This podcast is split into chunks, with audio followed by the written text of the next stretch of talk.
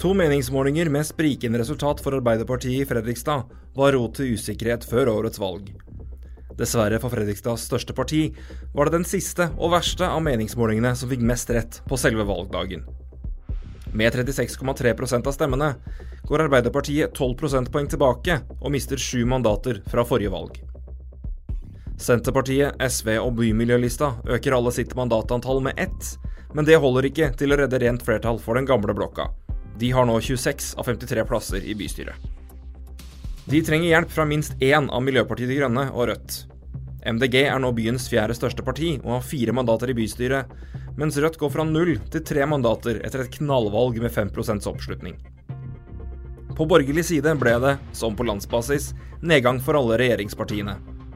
Høyre, Fremskrittspartiet, Kristelig Folkeparti og Venstre går alle tilbake, men kun Høyre og Venstre mister mandater, henholdsvis ett hver. Pensjonistpartiet kan derimot feire etter et godt valg. Med 4,5% av stemmene får de to mandater i bystyret neste periode.